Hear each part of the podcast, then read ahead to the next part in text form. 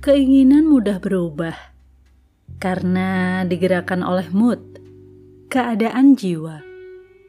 Namun, seseorang yang memiliki visi akan teguh. Itu sebabnya, ketika masih muda, umumnya lebih mudah diombang-ambingkan karena masih mencari jati diri, belum tahu tujuan hidupnya. Kita perlu mencari tahu sebelum akhirnya menetapkan tujuan.